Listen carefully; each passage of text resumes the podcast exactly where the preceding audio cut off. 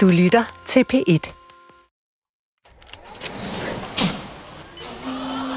Kæft, hvor er I grimme, mand. Det tror jeg, det er det grimmeste publikum, jeg har spillet for. Ved du hvad? Det er sådan nogen som dig, der gør, jeg ikke giver at være julemand i Mærkesæk til vinter, mand.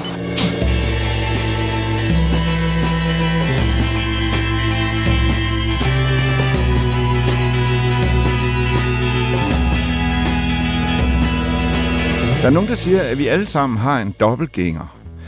Men når vi betænker, at der er 7,5 milliard mennesker her på jorden, er det jo nærmest utænkeligt, at man så møder sin dobbeltgænger. Det skal man ikke være sandsynlighedsberegningsprofessor for at regne ud.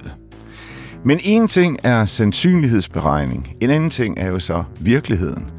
Og må ikke de fleste af os har mødt, eller i hvert fald hørt om en eller anden, der ligner os. Ligner os så meget, at folk nogle gange tager fejl. I dagens radiofortællinger skal vi høre min historie om mig og min dobbeltgænger, altså en matematisk usandsynlighed. Ja, faktisk skal vi høre historien om mine to dobbeltgængere, altså dobbelt så usandsynligt. Og hermed velkommen til en lille halv times radiofortælling, som i bund og grund handler om identitet. Jeg hedder Torben Brandt, og jo, det er mig, der taler på trods af, at en af mine naboer mener, at jeg lyder som en helt anden. Jeg hedder Anders Akker. Hvilket jeg selv overhovedet ikke kan høre. Og jeg håber sandelig heller ikke, der er andre, der kan det. Det vil jo være forvirrende, når man betænker, at Anders Akker laver tv i en helt anden stilart. Jeg er journalist, og Jeg jo laver radiofortællinger, altså i dag under overskriften, hvad stiller man egentlig op med sin dobbeltgænger? Hvad fanden har jeg gjort dig, kammerat, mand? Jeg prøver at komme ind og lave lidt god stemning, så er det bare lort lige fra hovedet. Kan du ikke høre det?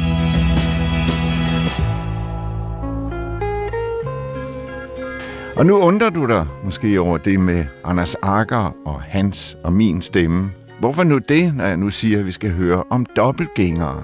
Jo, en af de ting, jeg har lært af dagens historie, som kommer om lidt, er, at det at have en dobbeltgænger ikke nødvendigvis kun handler om, at nogen har et ansigt, der ligner ens eget. Lad mig lige give et eksempel, inden vi går i gang. Det handler om min kollega, Jan Havgård, I dag skal vi til Lykken, Langeland og Randers Reb. som har en bror, som ikke ligner ham specielt meget. Man skal ture og sige, "Nå, men sådan er jeg altså. Men til gengæld er deres stemmer så ens, at Jan ikke må sige noget uden for billedet på tv. Altså ikke kun må tale om de billeder, vi ser på skærmen, men også selv skal være synlige. I dag skal vi til Lykken, Langeland og Randers Reb. Ellers tror alle nemlig, at det er broren Jakob Havgård, vi hører. Så det der at være sig selv, det skal man faktisk være modig for at være. Man skal ture og sige, "Nå, men sådan er jeg altså. Og når vi hører den stemme, tænker de fleste af os vel på entertaineren, komikeren og det tidligere medlem af Folketinget, Jakob Havgård, Jans bror. Her er altså tale om en slags dobbeltgængeri på stemmeniveau.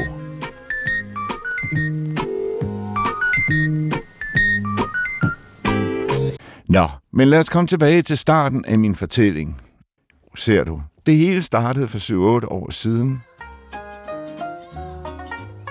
en sen fredag nat stod jeg for enden af en lang bar og opdagede, at der var en ung mand, som jeg aldrig havde set før, der hilste helt ned fra den anden ende.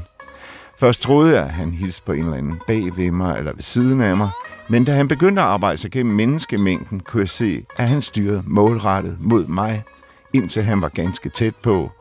Og så bræt stoppede op for så forvirret og at han troede, at jeg var Søren Østergaard, altså cirkusdirektøren for Cirkus Nemo og tidligere skuespiller. Det kom noget bag på mig. Aldrig nogensinde havde jeg tænkt tanken, at jeg skulle ligne Søren Østergaard. Men der sker jo de mærkeligste ting, når man er under indflydelse af alkohol, og jeg slog det hurtigt hen igen.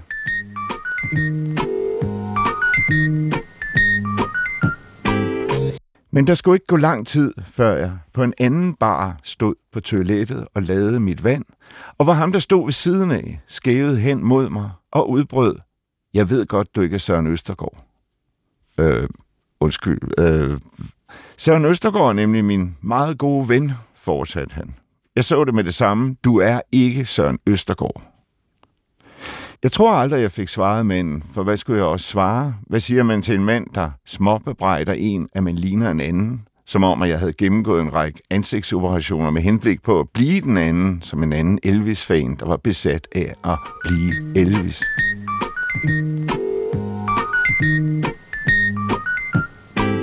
Og med disse to oplevelser var noget, der lignede en lavine sat i gang. En lavine af henvendelser fra folk, der mente, at jeg måtte være Søren Østergaard. Og for at det ikke skulle være løgn, fik jeg på et tidspunkt endnu en henvendelse af den på toilettet, da en mand på vejen til en koncert på det københavnske spillested Vega meddelte mig, at hvis ikke det lige var fordi, at hans søn var kæreste med Søren Østergaards datter, og han lige kom fra et selskab med dem alle sammen, ja, så ville han have været sikker på, at jeg var Søren Østergaard.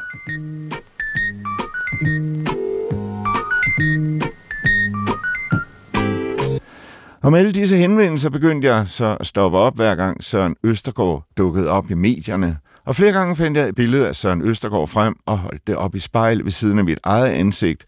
Og hver gang konstaterede jeg, at jeg åbenbart var den eneste i denne verden, der ikke kunne se ligheden. Ikke for det, Søren Østergaard er en flot og charmerende mand, og vi har da begge en rimelig stor krum næse. Men såvel hans hovedform som tandsæt er helt forskellige fra mine. Det var et mysterie for mig.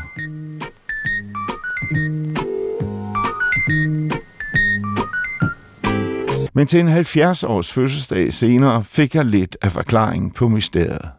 Min borddame fortalte grinende, at hun troede, at jeg var Søren Østergaard, da jeg kom ind ad døren.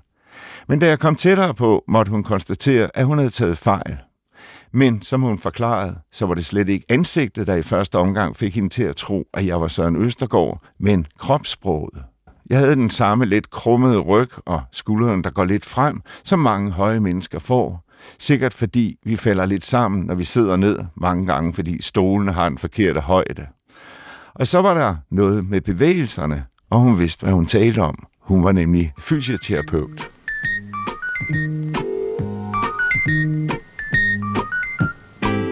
Det er altså ikke bare ansigtet, det handler om, når nogen taler om, at nogen ligner en. Kropsproget er til lige så vigtigt, måtte jeg konstatere.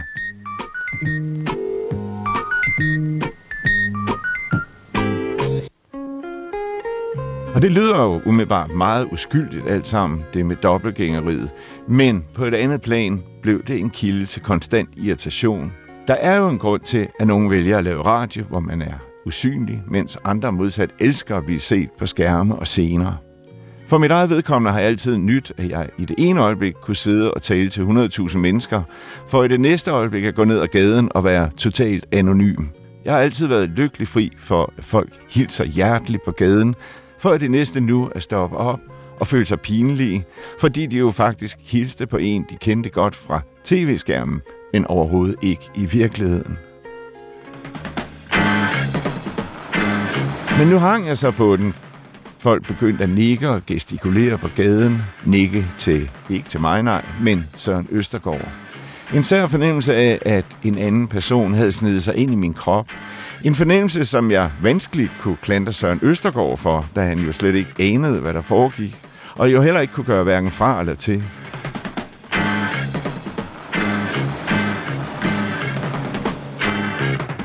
Men hvad han til gengæld kunne gøre, var at give mig nogle tips til, hvordan man gebærder sig i denne for mig helt uventede rolle at være en kendis, som folk ser på og gestikulerer overfor.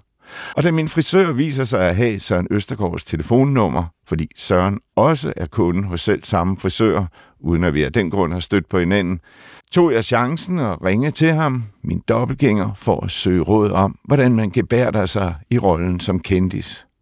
Ja, det er voldsomt, ikke? når nogen hele tiden siger dagsøren og slår ind på skulderen og sådan noget, og giver lidt i en og sådan noget. Ikke? Men altså, øh, der, der sker jo det, at man kigger meget ned i jorden. Altså, man, man, øh, man tager ikke så meget øjenkontakt med folk. Altså, der sker en anden bufærdighed der, i hvert fald for mig. Så jeg går sådan lidt, og jeg tager en meget sjældent øjenkontakt, når jeg går rundt og for eksempel i magasin og køber ind til aftensmaden.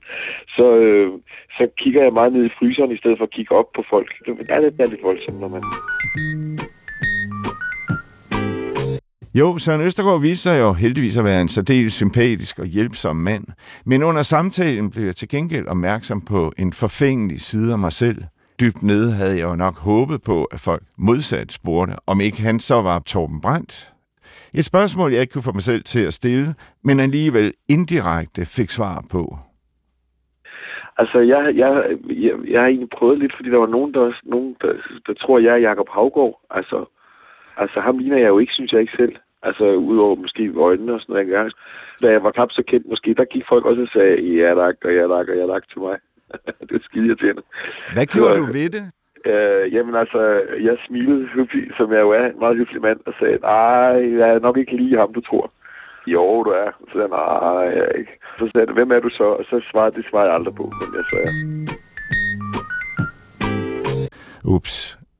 Ja, i værste fald kunne denne sag jo udvikle sig. Hvis folk tog fejl af Søren Østergaard og Jakob Havgård, ja, så kunne jeg jo, fordi jeg ligner Søren Østergaard, også risikere at blive forvekslet med Jakob Havgård. Jeg begyndte at fortryde mit opkald til Søren Østergaard. Jakob Havgård-aspektet var simpelthen for uoverskueligt for en rampelys sky radiomand. Til gengæld fortrød jeg bestemt ikke en anden del af opkaldet, da Søren Østergaard fortalte en historie om, hvilke tiltag en anden rampelys sky mand, Bob Dylan, uden sammenligning i øvrigt, i sin tid tog, da han besøgte Danmark. Da Bob Dylan han optrådte i Horsens, så tror jeg, han havde tre dobbeltgængere, der gik ud i forskellige døre, så ingen vidste, hvor den rigtige Bob Dylan egentlig var henne. Ja, altså i samme tøj. Ja, det er det. Han. For han har en anden paranoid om, han er, han er bange for at blive skudt, eller ja, der er et eller andet, han er bange for. Ja, ja. Og så har han simpelthen øh, ansat, han har simpelthen ansat dobbeltgængere, som så får samme, de har så alle sammen samme tøj på. Jeg ved ikke, om det var tre eller to, men altså, det var sådan et, det var ret mange faktisk. Så ingen vidste, hvor den rigtige Bob Dylan han egentlig, hvorfor der han to, altså. Det kan være, de forfulgte den forkerte. Det, det var meget interessant. Ja, er livet ikke finurligt? Nogen anskaffer sig dobbeltgængere, ovenkøbe mange, for at kunne være i fred, mens andre er lidt irriterede, når bare én dobbeltgænger dukker op ud af det blå. Men, men det der med at se ned i fryseren, det må jeg jo prøve at øve mig på, men... men øh... Ja, du skal lade være med at kigge så meget op, også når du står på bar, og, sådan, og så kigge sådan lidt, lidt mere sådan diskret op en gang, men sådan noget, ikke? Men ja. det er jo også meget rart, fordi det var vel egentlig derfor, man måske blev det, man blev engang ja. øh, at man egentlig godt kan lide det, hvis man nu skal være helt ærlig, ikke? Jo. Og ja. man kan sige, så er det jo gået godt med ens karriere, at folk kender en. Det var sådan set værre, hvis jeg stod i mit job, og de ikke anede, hvem jeg var. Ja, indrømmet Søren Østergaard fik lige fat i en ende der, min forfængelighed. Men på den anden side, så er der jo rent faktisk meget mere end det på spil, tænker jeg, mens Søren Østergaard taler om vores forfængelighed. Hvad han sikkert ikke lige tænker på er, at når folk ser mig på gaden, kan det fremkalde vidt forskellige billeder af mig, som altså ikke er mig. Tænk bare på en af Søren Østergaards cirkuskarakterer. Hvad fanden har jeg gjort dig, kammerat, mand? Jeg prøver at komme ind og lave lidt god stemning, så er det bare lort lige fra hovedet. Kan du ikke høre din gamle lille nok? Har du taget kort bukser på? Det er kraftigt også dumt, mand. Homo, mand. Kæft, hvor er I grimme, mand. Det tror jeg, det er det grimmeste publikum, jeg har spillet for. Ved du hvad? Det er sådan nogen som dig, der gør, jeg ikke giver at være julemand i magasin til vinter, mand. Kraft, det er så dårlig stemning, mand. Ser du lige dernede jeg gokker den gang? Hold kæft, mand. Det er en lortehoved, mand. Kraft, det er træt af jer, mand. Ja, hvem har lyst til, at folk skal tænke på Søren Østergaards smadremand, når de ser en på gaden? Og hvad kan en mand, der har skabt sådan en karakter i et cirkus, må ikke finde på, hvis hans eget privatliv pludselig begynder at vakle? Og vi er altså... enige om, at hvis en af os kommer ud i noget skidt, så er det høfligt lige at sige det til den anden. Ja, det synes jeg, det må man godt lige sige, altså ikke? Så man kan... og, og jeg synes også, at altså, det der med ugens brænder, det ser jeg hørt, den synes jeg er uheldig, ikke? Altså, så ja. den synes jeg også, vi skal prøve den gå så meget som muligt. Så slut med at gå på bar. Ja, simpelthen. Hvor er det det. Det er jo et helt nyt liv, vi starter fra i dag. ja. Jeg ved ikke, om der er andet, om der er andre foranstaltninger, vi lige skal tænke over. Altså... Nej, jeg tror bare, man skal tage den derfra, og så egentlig holde sig indendørs så meget som muligt. Men altså, vi er enige, altså hvis bare lige for at opsummere, øh, altså ja. vi er enige om, der er ingen af os, der bryder om dobbeltgænger. Nej, egentlig ikke. Man vil helst være den eneste ene, ikke? Er det ja, ikke sådan der? Ja, ja. det var rigtig hyggeligt at snakke med dig. Ja, ja lige måde, og god forestilling i aften. Ja, tak for det, og godt radioprogram.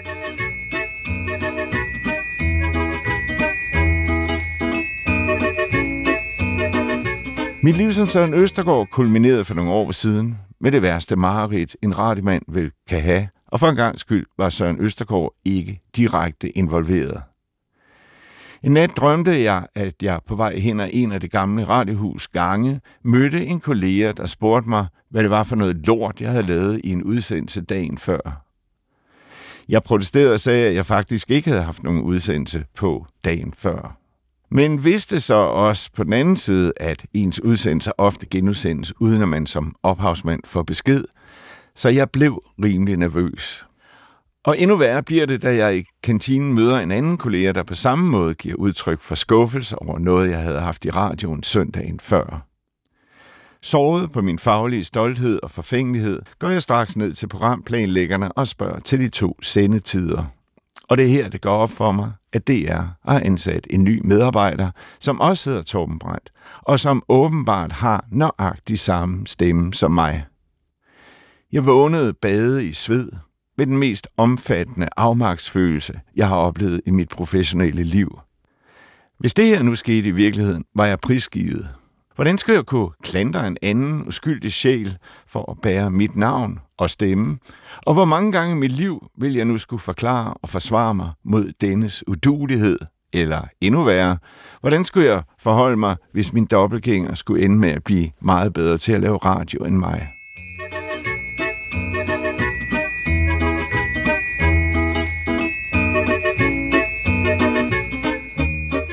Vi mennesker ændrer os jo med alderen, og der fulgte en periode, hvor Søren Østergaard spillede en mindre og mindre rolle i mit liv.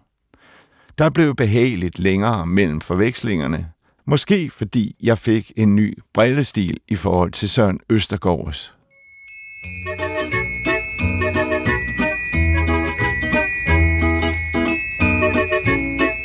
Jeg kunne mærke lettelsen, i hvert fald indtil en ny dobbeltgænger dukkede op på scenen, og paradoxalt nok dukkede vedkommende op den dag, jeg for første gang vågede et forsigtigt spring ud i det at optræde på tv, for at det ikke skulle være løgn, i en halv time på koncerthusets ærefrygt indgydende scene foran et kæmpe publikum. Og det var lige her efter mit show, jeg gjorde det, man ellers aldrig kan, når man sidder i et lille radiostudie og sender, nemlig at gå ned blandt publikum for at veje stemningen, prøve at fornemme, hvordan publikum har modtaget ens budskaber, og hvor jeg ikke lige frem blev mødt af begejstrede fans. Men til gengæld møder en af DR's fotografer, Bjarne, som jeg har kendt perifært i mange år, og været på venligt nik med, men som nu storsmilende fortæller, at en masse mennesker har været henne og takke ham for det fremragende show, der lige har været på scenen, og hvor han høfligt gentagende gange har måttet forklare, at de har taget fejl af ham og mig. Og hermed blev mit Søren Østergaard-kompleks afløst af en helt anden type dobbeltgænger, Bjarne Bergius Hermansen, som ligesom jeg foretrækker at gemme sig bag ikke sin mikrofon, men sit kamera.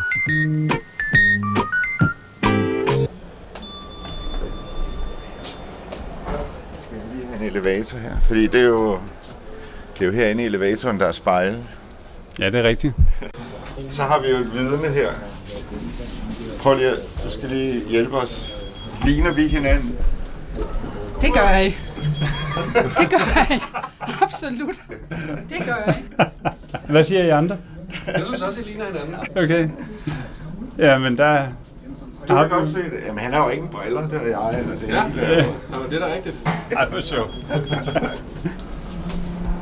Ja. Lad os lige gå ind her. Hvad... Øh... Tøjstil. Ja, der er vi jo ikke langt fra hinanden heller. Og det er vi jo faktisk ikke. Vi har begge to blå sko med hvide kanter. Vi har begge to jeans på. Ja. Men du har så en hummel øh, Ja, ting. det var fordi, det var pissekoldt der, hvor jeg, øh, hvor jeg sad tidligere i dag. Ja, okay. Så øh, vi har begge to meget hår. Men mit er mere gråt end dit. Og den, samme, og den samme virvel har vi vel også næsten i håret her, ikke? Det har vi nemlig, Øh, ja, ja. ja, ja, ja. Nu er mit blevet lidt længere, men jeg kan se, at øh, det er nogenlunde sådan, mit hår ender, når jeg er til frisøren, som dit er nu. ja, ja. Så. Der er ikke så meget at gøre ved det, vel? Nej. Det, det gør, det, håret gør bare sådan. Så det DNA, vi deler i hvert fald, det er stor næse Ja, og virvel i håret, ja, rimelig høje mænd, ja. lidt duende, lidt, hvad hedder det, lidt krumryg, en lille bit smule krumryg. Nej, jeg synes ikke, jeg har krum i ryggen. Nej, det er du faktisk ikke. Du er mere rank end mig. Ja, er du opvokset med ret ryggen, dreng? Det kan du tro. Det vil sige, at din mor hun var mere effektiv end min mor. Hun brugte gaflen. Hvordan gør man det? Jamen, det var det der, så, hvis man havde albuen på bordet, når man spiste, ikke? så gad hun ikke at sige det til en mere, så stak hun bare med gaflen, ikke? Og så lærte man det. Det gjorde ikke, det var ikke sådan, så den sad fast i armen, men øh, det var, det var et, et udmærket signal på, at sådan gjorde man ikke her. Mm. Det lyder bestialisk. Det var det. Har du været ude for, at der er nogen, der mener, at du er Søren Østergaard? Nej, det har jeg faktisk ikke. Det har du ikke. Nej, det har jeg ikke. Og det er jo egentlig mærkeligt. Det kunne være, hvis jeg stillede mig ved siden af ham, øh, at folk så ville, ville kunne genkende et eller andet. Det kunne, Ja. det kunne, det kunne da godt være. Bjarne, jeg Ja. vil sige tak for denne gang. Og, Og eller. Torben. Ja, Og Gerne. øh, Ja. ja. ja, så må vi se. Og hvis du finder flere dobbeltgænger, så sig lige til.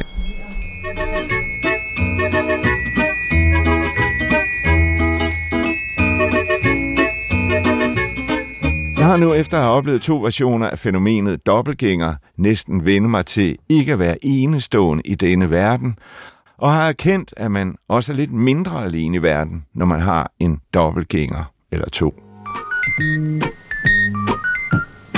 Jeg har dog ikke vendt mig mere til det, end at jeg gerne havde været den oplevelse, jeg havde sidste sommer for uden. Min bror og hans kone og fruen og jeg fik den idé at tage i Cirkus Nemo op i sommerlandet på Vestjylland. Og tro det eller ej, jeg havde ikke skænket det en tanke, at jeg hermed for første gang nogensinde bevægede mig ind på Søren Østergaards absolute enemærker. Men da familien og jeg inden forestillingen nød en kold øl på den lille plads mellem de kulørte cirkusvogne, begyndte min familie at prikke til mig og gøre mig opmærksom på, at alle de andre på pladsen hele tiden kastede blikke hen mod mig. Og pludselig stod et ældre solbrændt par lige foran mig, og fruen rakte hånden venligt ud og spurgte, om hun måtte hilse på mig. Og som hun sagde, for det er da, eller er det måske brormand? Heldigvis sad vi langt tilbage i cirkusteltet den aften, så jeg tror ikke, at Søren Østergaard opdagede mig. Se, øh, så er det altså mig, der er smagermanden. Det kan jeg sataneme godt fortælle jer, hvis I begynder på et eller andet pisserlort med, at det kan ikke være mig, der smager, mand. så kunne I jo kraftedeme da prøve at se, hvad der står på det skilt der. Det er jo sataneme, der er ikke for sjovt, jeg har fået lavet sådan en skilt, hvor der står smagermanden for satan, mand. Prøv da lige at bruge dem op bare i tre sekunder, i stedet for at sige, hvem er han, så læs, hvad der står for satan. Men mens dette skrives, dukker der en reklamemail op i min inbox. Den inviterer til den nye Cirkus Nemo-sæson, som bliver helt særlig, fordi cirkusdirektøren Søren Østergaard i år fylder 60 år. Jeg tænker nu, at alle os, der ligner Søren Østergaard, skal købe billet til første række på selve fødselsdagsdatoen. Jakob Havgård og jeg kommer helt sikkert. Så må vi jo se, hvornår Søren Østergaard går i stå ind i Manesien, når han laver sin klassiske åbning på sketchen med Smadremanden. Kæft, hvor er I grimme, mand. Det tror, det er det grimmeste publikum, jeg har spillet for. Ved du hvad? Det er sådan nogen som dig, der gør, at jeg ikke giver at være julemand i magasin til vinter, mand.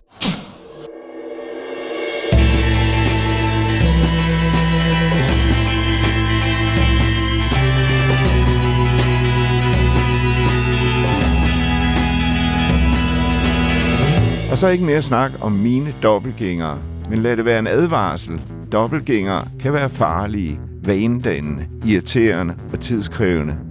Medmindre man ikke er så selvoptaget som undertegnet. Radiofortællinger er tilbage om en uge, samme tid, samme sted på FM, net og podcast.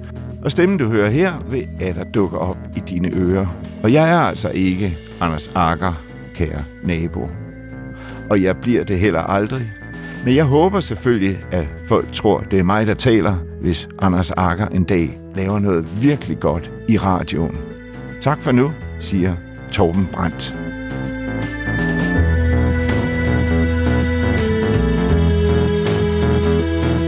Jeg hedder Anders Akker, og jeg er journalist og vært på DR i DR Dokumentar. Den sang, jeg har lyttet mest ever, det er et uh, Love Shop nummer, der hedder Alle har en drøm at befri. Det er faktisk 5 minutter og 40 sekunder lang. Hvad fanden har jeg gjort dig, kammerat, mand? Jeg prøver at komme ind og lave lidt god stemning, så er det bare lort lige fra hovedet. Kan du ikke høre det?